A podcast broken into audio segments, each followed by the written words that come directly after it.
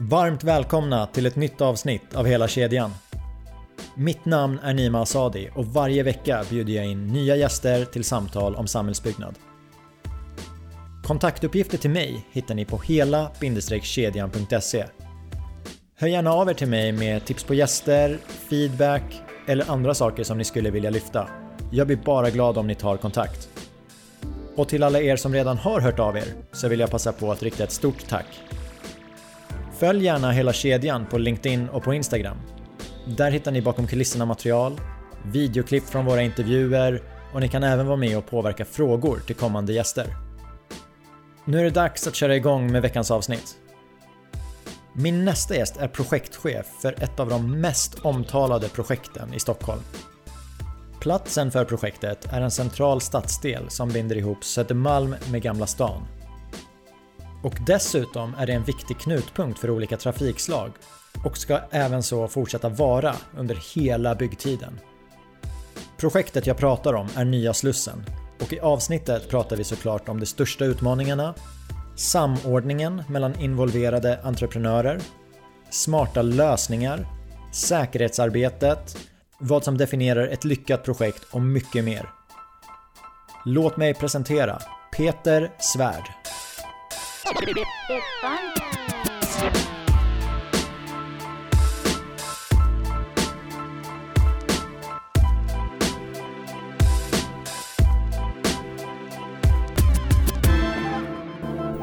välkommen till podden Peter. Tack så mycket. Tack. Det här är jag jätteglad över att få till. För du är projektchef för Slussen. Stämmer bra det. Jag undrar, hur gick det till när du fick eh, frågan? Om jobbet? Exakt. Eh, jag hade varit inne i projektet lite grann inne som konsult och stöttat i olika frågor. Eh, och sen så när de sökte ny projektchef så fick jag egentligen frågan via en, ja, säger man, rekryterare eller så. Om det var något som var intressant. Så då pratade jag lite grann vidare med det. Ja, på den vägen vart det sen. Ja, jag tänker intressant. Det, det håller jag verkligen med om. Jag borde ju komma med en del baksidor också. Det är ett projekt som alla pratar om. Det är mycket jobb. Så är det. Hur gick tankarna i ditt eh, huvud? Var det självklart att Nej, absolut inte. Nej, det, det var mycket funderande och grundande såklart. Eh, både i insats av familj och allting. Så insats och, och, möjlighet att lyckas eller förmåga att kunna lyckas. Eh, men att eh, i slutet av dagen så, så kunde jag inte motstå frestelsen lite grann. Så det känns som Stockholms stad också är, är, är en bra arbetsplats, en bra arbetsgivare. Det är många kompisar som har jobbat där och jobbar där som vittnar om det. Så att hoppet var lätt sen när man väl vågade. Hur länge har du haft din nuvarande roll? 2015 blev jag anställd på Stockholms stad. Då. Så att eh, nu börjar det bli några fyra och ett halvt. Ja. Och det är många år kvar. Projektet är många år kvar. Hoppas jag håller ut. Och projektet som vi pratar om är ju Slussen. Mm. Kan du berätta om projektet? Vad, vad är det vi bygger?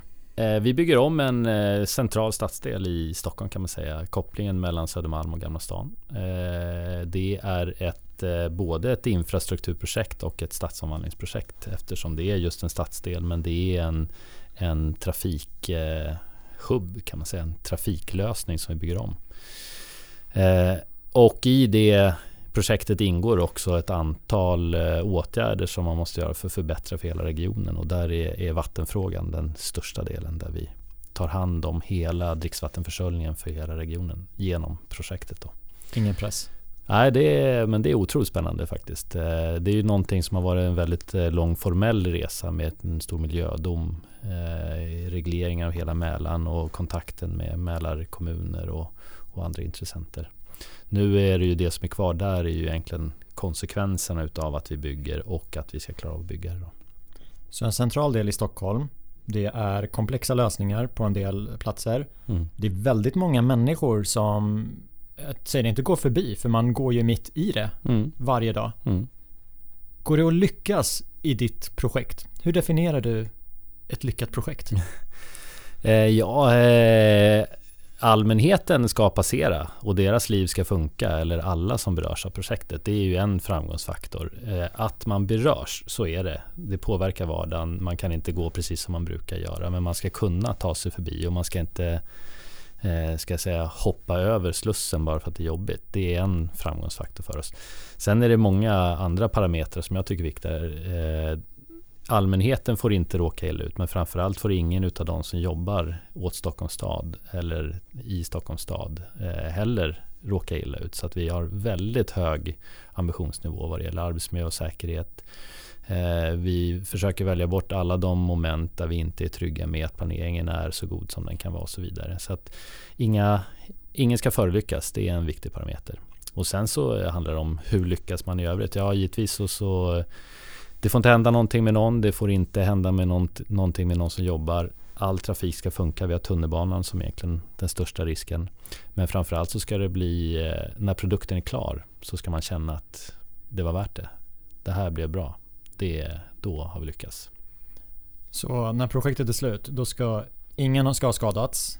varken tredje man eller personer involverade i projektet. Mm. Och man ska känna att det här är en bra produkt. Mm. Är det definitionen av ett lyckat projekt? Då tycker jag vi har lyckats. Sen har jag en massa andra krav på mig. Det ska hålla budget och jag ska vara klar inom tid givetvis. Men det är sådana projektmål som de är alltid där vad man än jobbar med. Så, att, så är det.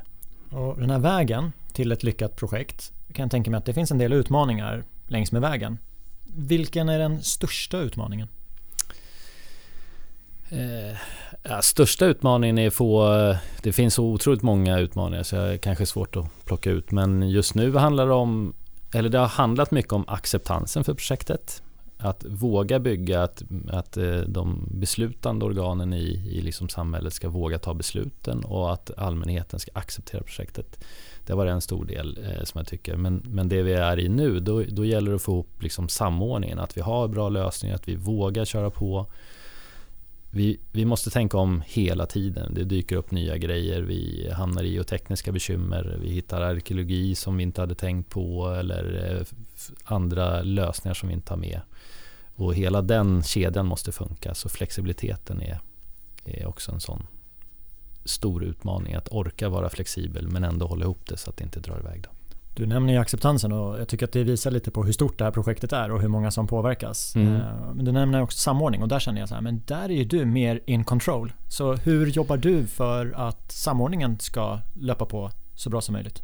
Ja, det, det, handlar mycket, för mig blir det ju mycket en personalfråga. Jag har projektledare som ansvarar för vissa områden och min uppgift är att försöka se till att de har möjlighet och förmåga att kunna eh, prestera sitt ansvar så att säga. Eh, och sen handlar det också om att vi identifierar, ligger steget före. Det vi bygger idag, det var ju någonting som vi planerade eh, för ett, ganska länge sedan ändå.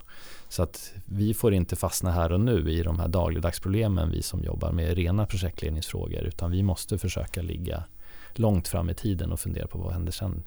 Klarar man det, då tror jag man har eh, en bättre förutsättning att, att lyckas. Men det kommer alltid dyka upp saker som vi måste släcka bränder på. Men att få organisationen att, gå i takt, få organisationen att vilja samarbeta och våga ta ansvar. Det är, det är väl min uppgift i det hela.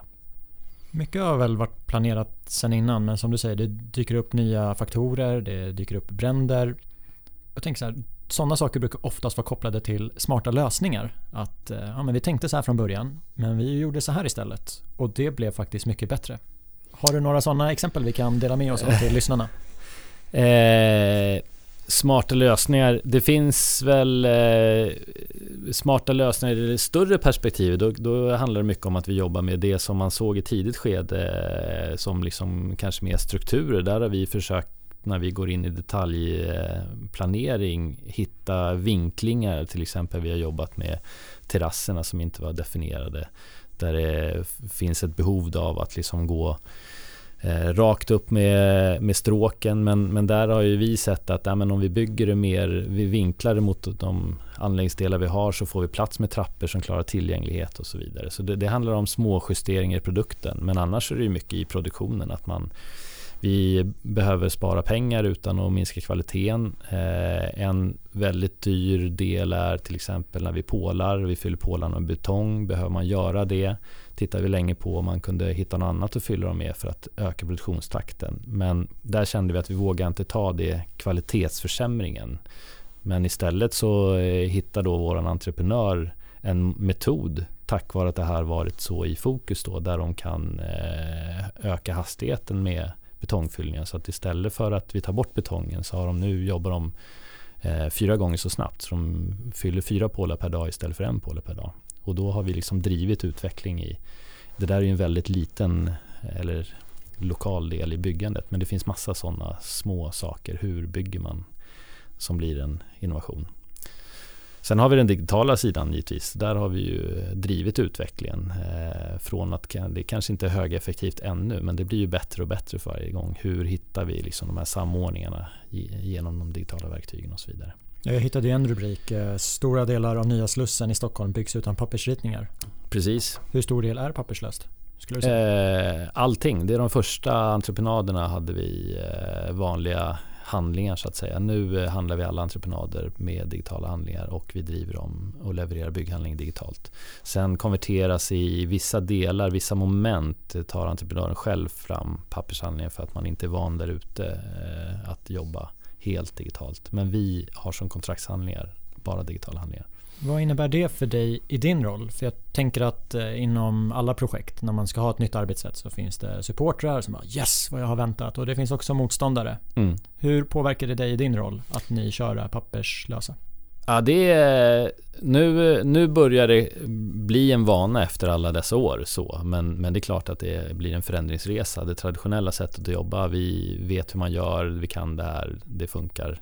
Den mentaliteten är svår att få bort. Men det blir sakta en, tror jag, eh, en mognad i det och en acceptans i det när man ser att ja, men det har kanske andra direkta värden än vad jag såg från början. Och då kan jag jobba med de här gamla värdena som jag kanske inte får fullt ut. Eh, och på det sättet så blir det en effektivitet på lång sikt. Man måste våga trycka någonting framför sig också. Och sen handlar det också om en acceptans med investeringen. För det är en investering i början att göra det. Eh, det är inte pengar direkt in utan det är på lång sikt som vi ser att vi både sparar pengar, tror vi, i en effektivare arbetssätt. Men framförallt eh, framtida projekt och framtida förvaltning tänker vi finns väldigt stora uppsidor i att ha allting digitalt. Oh, gud ja, jag har ju varit en förespråkare länge. Mm. Men jag tänker i, i din roll, antingen något du upplevt själv eller fått eh, återberättat av någon i projektet. Vi pratar om de här andra uppsidorna. Har du några exempel på ja, men tanken var ju inte där från början men vi såg att det papperslösa det bidrar ju även till det här. Eh, ja, det finns ju ett antal. Dels så är det, eller den stora kanske direkta eh, som jag kommer på, det är ju det här med kommunikationen. Att, eh, hur visar vi, hur, hur kommunicerar vi vad vi ska göra, hur vi ska göra det. Det, det är en helt annan spelplan när man har de här digitala verktygen. Det är ju som att gå runt i den världen som, som vi ska skapa och det är ju mycket lättare för människor att ta till sig. Eh, man ser också på ett annat sätt den här samordningen. Istället för att du ska sitta och titta på ett antal ritningar eh, av olika teknikområden och försöka sätta ihop dem själv så kan du i stort sett gå i anläggningen och se vad, hur går ledningen, kommer det bli bra så här.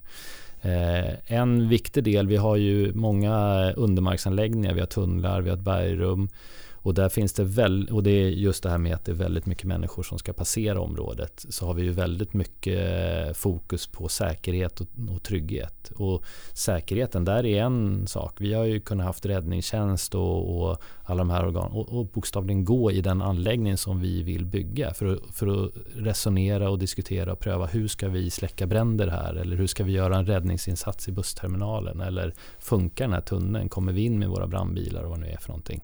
Så de har egentligen övat på den framtida anläggningen och då får ju vi feedback på det. Det skapar utveckling.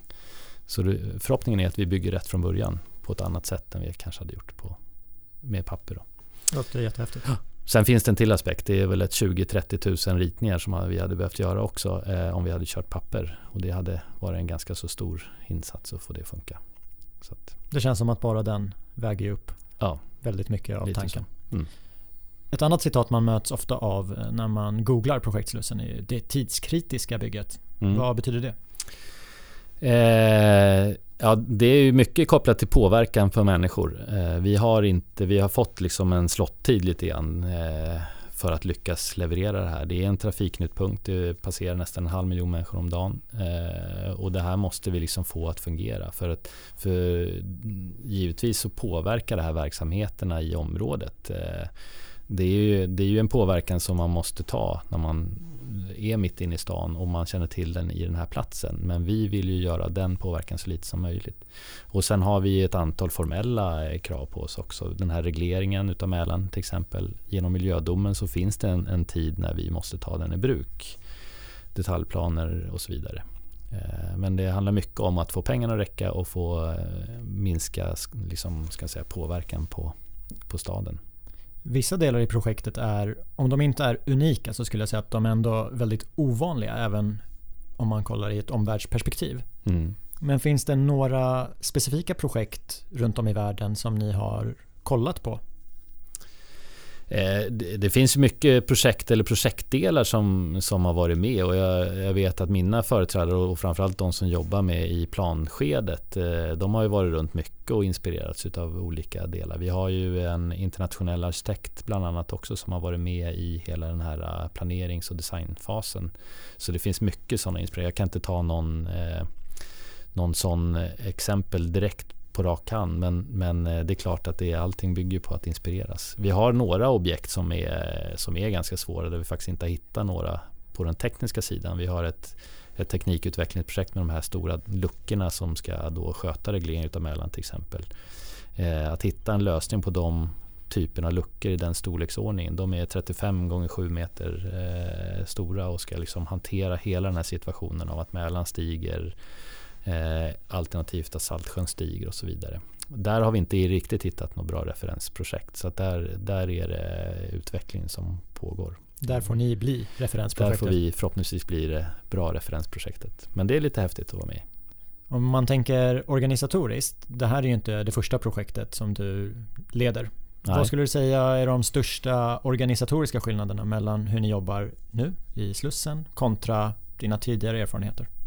Ja, det är framförallt skalan är ju, är ju eh, helt annorlunda. Eh, det är få projekt som kräver den här storleksordningen. Det, det, är kanske inte det största projektet eh, så som finns men, men just komplexiteten gör att det blir många funktioner som måste, eh, måste vara med och fungera. Och det är väl det som är mest unikt. Sen har vi också en situation eh, det är ett väldigt kompakt område och allting hänger ihop.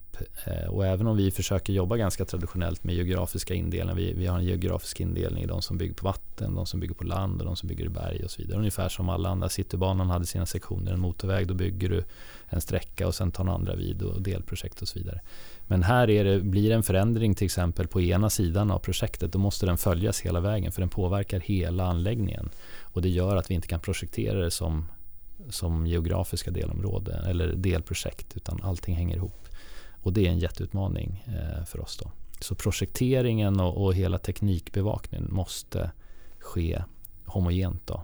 Byggandet är lite lättare att göra men det har fortfarande väldigt mycket gränssnitt. Hur många personer kan säga att de arbetar med projekt Slussen idag?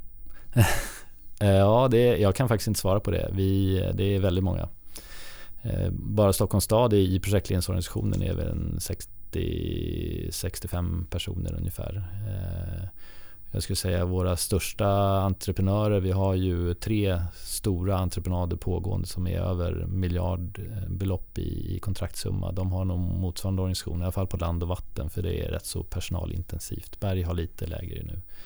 Sen har vi konsulter, ett hundratal konsulter. Ah, det går inte och jag kan inte. Men det är flera hundra i alla fall. Nästa fråga var ju när projektet är klart, hur många har jobbat i projektet ja, då? ja, då är, ja, Intressant fråga. Inte... Nej, men det är säkerligen över tusen skulle jag nog tro som har varit inblandade i någon form. Men så det är det ju i många projekt. Varje liksom teknikkompetens eller kompetensområde blir ju oftast en specialist som tar det. Men jag kan inte svara på det. En sak jag tänker på, du, du nämnde lite skillnader i organisatoriska, men det är ju ett väldigt stort projekt. Det är många miljarder. Det ligger där det ligger hade det här varit ett bolag på börsen, man hade haft ledningsgrupper, man hade haft styrelser. Hur ser det ut för dig? Hur rapporterar du uppåt hur det går i projektet? Ja, men det är lite, det är ganska så standardiserat hur projektledning funkar. Jag har ju, eh, dels har jag ju en linjeorganisation, en linjechef som jag rapporterar till kopplat till liksom mina linjefrågor, personal och Stockholms stad och så vidare. Men för projektets räkning så har jag en projektledningsgrupp, en, en operativ ledningsgrupp i projektet där mina projektledare sitter och vi liksom löser frågor neråt och, och jobbar med eh, hur vi ska lyckas med det här. Uppåt så har jag en styrgrupp eh, som består av förvaltningscheferna för de berörda förvaltningarna och statsledningskontoret. Det är ju mitt bollplank. De sköter också eh, kommunikationen vidare sen mot politiken. Det är väl det som är den stora eh, skillnaden mot kanske mer normala eller vad ska jag säga, vad, andra typer av verksamheter. Att den här politiska styrningen, vi är ändå en politisk organisation. Det är politikerna som bestämmer vad vi ska göra och direktivet kommer då via stadsledningskontor in till styrgruppen och ner till mig. Sen har jag givetvis ett antal andra styrgrupper med de, de intressenter som är mest aktiva. Vi har en styrgrupp med trafikförvaltning till exempel som driver kollektivtrafiken som är väldigt aktiv eftersom vi samarbetar tätt. Styrgrupp med eh, Trafikkontoret eh, som är de mottagare av stadens anläggningsdelar. Eh, sen har vi ett antal sådana förvaltningsgrupper där vi förankrar saker och ting med stadsarkitekt, med stadsträdgårdsmästare och så vidare. Så det, är en, eh, det är en hel uppsjö utav, utav eh, grupperingar. Men den beslutande organet det blir styrgruppen som blir närmast mig. När jag lyssnar på det där så slås jag direkt av att det är många timmar i veckan för dig. Det blir mycket möten, så är det. Jag tänkte gå tillbaka till säkerhetsarbetet. För mm. jag tänker alltid på säkerheten när jag åker förbi där. I och med mm. att, ja, men man, åker man tunnelbanan har man ju en vy uppifrån lite mm. grann. Du berättade lite att nej men brandkåren kan ju faktiskt gå in i modellen. Det är ju ett tydligt exempel. Mm. Men hur, hur skulle du säga att du jobbar med säkerheten kontra ja, men tidigare projekt? Är det någonting som det här gör vi annorlunda? Det, det är lite tvådelat. Om vi håller oss till liksom produktionen här och nu, att, att bygga, så är skalan är, är så pass stor. Eh, vi har så pass mycket fog. Det är en extrem angelägenhet för Stockholms stad att det här ska bli ett framgångsrikt projekt och, och det här med att alla ska komma hem. Olyckor, det är en mycket som du säger svår och farlig arbetsplats men det gäller att vi undviker allvarliga olyckor.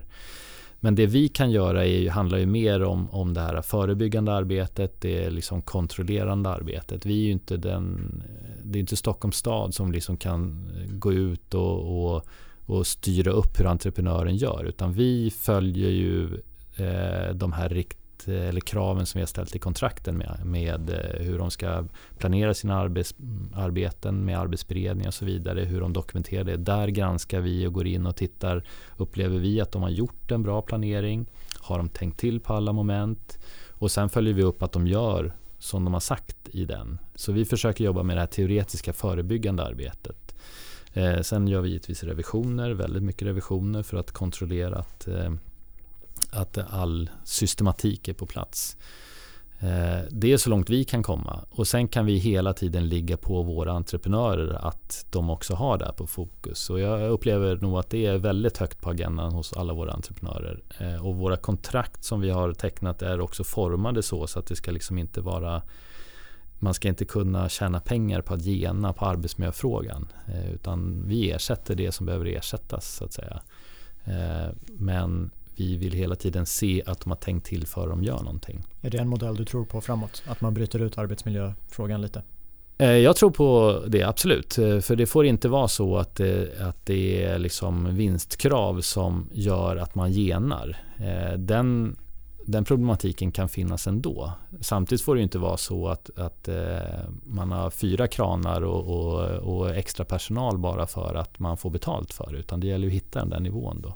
Men vi jobbar med dels det förebyggande arbetet, kontrollerna, revisionerna, uppföljning på att det är gjorts, eh, ronderingar precis som vanligt. Men sen har vi också bonussystem eh, gentemot våra entreprenörer i kontrakten. Och det är det jag menar att för oss är det så att vi hellre betalar en bra bonus om de har lyckats göra eh, ett bra jobb. Eh, så att det blir som en morot istället. Eh, och sen så har vi genom, i de stora kontrakten som inte då är fastpriskontrakt också tagit bort den här mekanismen att man kan spara pengar på arbetsmiljön lite grann. Så, eftersom vi ersätter alla omkostnader så så hoppas vi att det inte är en drivkraft utan snarare tvärtom. Det ställer en del krav på beställarorganisationen att man har kunskapen och tiden. Mycket höga krav. Så att där har vi en, en väldigt stark byggledarorganisation som, som är, skulle jag säga, väldigt kompetent och som följer upp där. Och vi har också eh, inte bara ska säga, byggledare som fokuserar på avtal och, och byggproduktion utan vi har också eh, dedikerad byggledare för just arbetsmiljö som, som då har den nischen och håller bevakning hela tiden. Tillbaka till det här lyckade projektet mm. som jag hoppas att eh, vi har om, mm. om några år. Mm, jag med. Jag är lite nördig, så de som lyssnar på den här podden vet att jag är intresserad av mätetal. Mm. Vilka mätetal jobbar du med för att säkerställa att projektet är på rätt väg? Du har nämnt olyckor, det, mm. det ska ju vara noll. Olyckor ska vara noll. Eh, vi ska inte ha några olyckor med, med frånvaro har vi sagt. Eh, den ligger högt. Vi har också eh, givetvis ekonomi som vi har på en övergripande nivå. Sen har vi styckat ner den där vi liksom styr mot ekonom, ekonomiska mål i varje del kan man säga. Ganska standard. Tid såklart. En tidplan som vi har styrt upp allting med. Eh, vi har brutit ner tid också i leveranstider både eftersom projektering pågår i mångt och mycket eh, parallellt med bygget vilket är en eh, jätteutmaning för oss. Både kvalitetsmässigt givetvis men också tidsmässigt. Blir det en försening i projekteringen då blir det en försening i produktionen och den blir väldigt dyr. Så därför mäter vi då hela tiden varje liten del leverans. Det finns en leveransplan för alla handlingar och vi mäter hela tiden vad att de ligger på den leveransplanen eller bättre. Vi mäter också kvaliteten i leveransen. För en sak är att leverera, men man ska leverera rätt också. Så är allting med det som ska med. Så den, är, den lägger vi rätt mycket energi på. Vi mäter också acceptansen. Vi gör eh, sådana undersökningar eh, för berörda eh, för att liksom få ett kvitto på hur vi uppfattas och hur vi upplevs. Det är också ett sådant mätetal vi har. Och sen givetvis så har vi eh, en intern mätning bland personalen också, sådana medarbetarindexmätningar som vi också har måltal på. Och det är kopplat till arbetsmiljön, den interna arbetsmiljön, att folk mår bra, trivs, känner att de har förutsättningar att lyckas och prestera. Vi spelar in det här avsnittet 1 oktober 2019. Om man tar en ögonblicksbild idag, vad är följsamheten till eh, våra mål i mätetalen? Just nu ligger vi rätt bra till. Vi har tufft med tiden. Eh, vi tappar rätt mycket tid. Vi eh, eh har eh, en avsevärt mycket större eh, omfattning av de arkeologiska utgrävningarna vi någonsin kunde förespegla oss. Och vi har också haft bekymmer med eh, geotekniska förutsättningar. Risker som vi hade identifierat innan men de har fallit illa ut. Så tiden, där jobbar vi hela tiden för att hinna ikapp. Och nu är det väldigt kortsiktigt. Nästa år har vi en jätteleverans med den här bron och trafikanläggningen som ska öppnas. Så nu är det allt fokus på att vinna den tiden tid är en utmaning för oss. Och när tiden, om vi tappar tiden då tappar vi ju också ekonomin eftersom vi är en så pass stor produktions eh, ska man säga, apparat. Så att eh, tappar vi tid så, så eh, kostar det också pengar. Arkeologiska fynd kanske ger upphov till ett nytt museum. Så det finns ju samhällsvinster i det också. Så är det. Ja, det är otroligt spännande och det, det de hittar är också, de har ju skrivit om Stockholms historia eh, lite grann. Man har lärt sig väldigt mycket på det här. Så, hur Södermalm var, hur, hur, staden fungerar som man inte visste innan. Så att någonstans är väl det lite plåster på såren. Våra magsår får lite plåster i alla fall. Då. Ja men eh, precis, storyn om Slussen, mm. det blir jätteintressant att läsa ja. för framtida generationer. Mm. Sista frågan. När man pratar om så här stora projekt, eh, miljardprojekt. Du nämner att projekteringen pågår samtidigt som produktionen. Mm. Och då kan jag förstå att eh, initialbudget inte är samma sak som slutkostnadsprognos. Hur har den resan sett ut för Slussen? Hur ligger vi till nu? Och vad är det som har gjort så att det har blivit så hittills? Eh, vi har ju ett genomförande, det senaste genomförandebeslutet togs ju 2015. Då fick vi en korrigerad budget på 12,1 miljarder för hela projektet. Och då hade vi ju jobbat igenom. Den första delen kom väl, ja det har varit ett antal beslut, men 2008 hade vi 8 miljarder som man sen höjde till 10 om jag kommer ihåg rätt. Det börjar bli lite rörigt där nu runt 2014. Men det handlar ju om utvecklingen av vad vad var det för produkt man ville bygga och de politiska besluten. Och eh, eh, 2008 då var det också produktionsstart 2012. Vi skulle vara klara 2018. Så där har du också en tidsfaktor.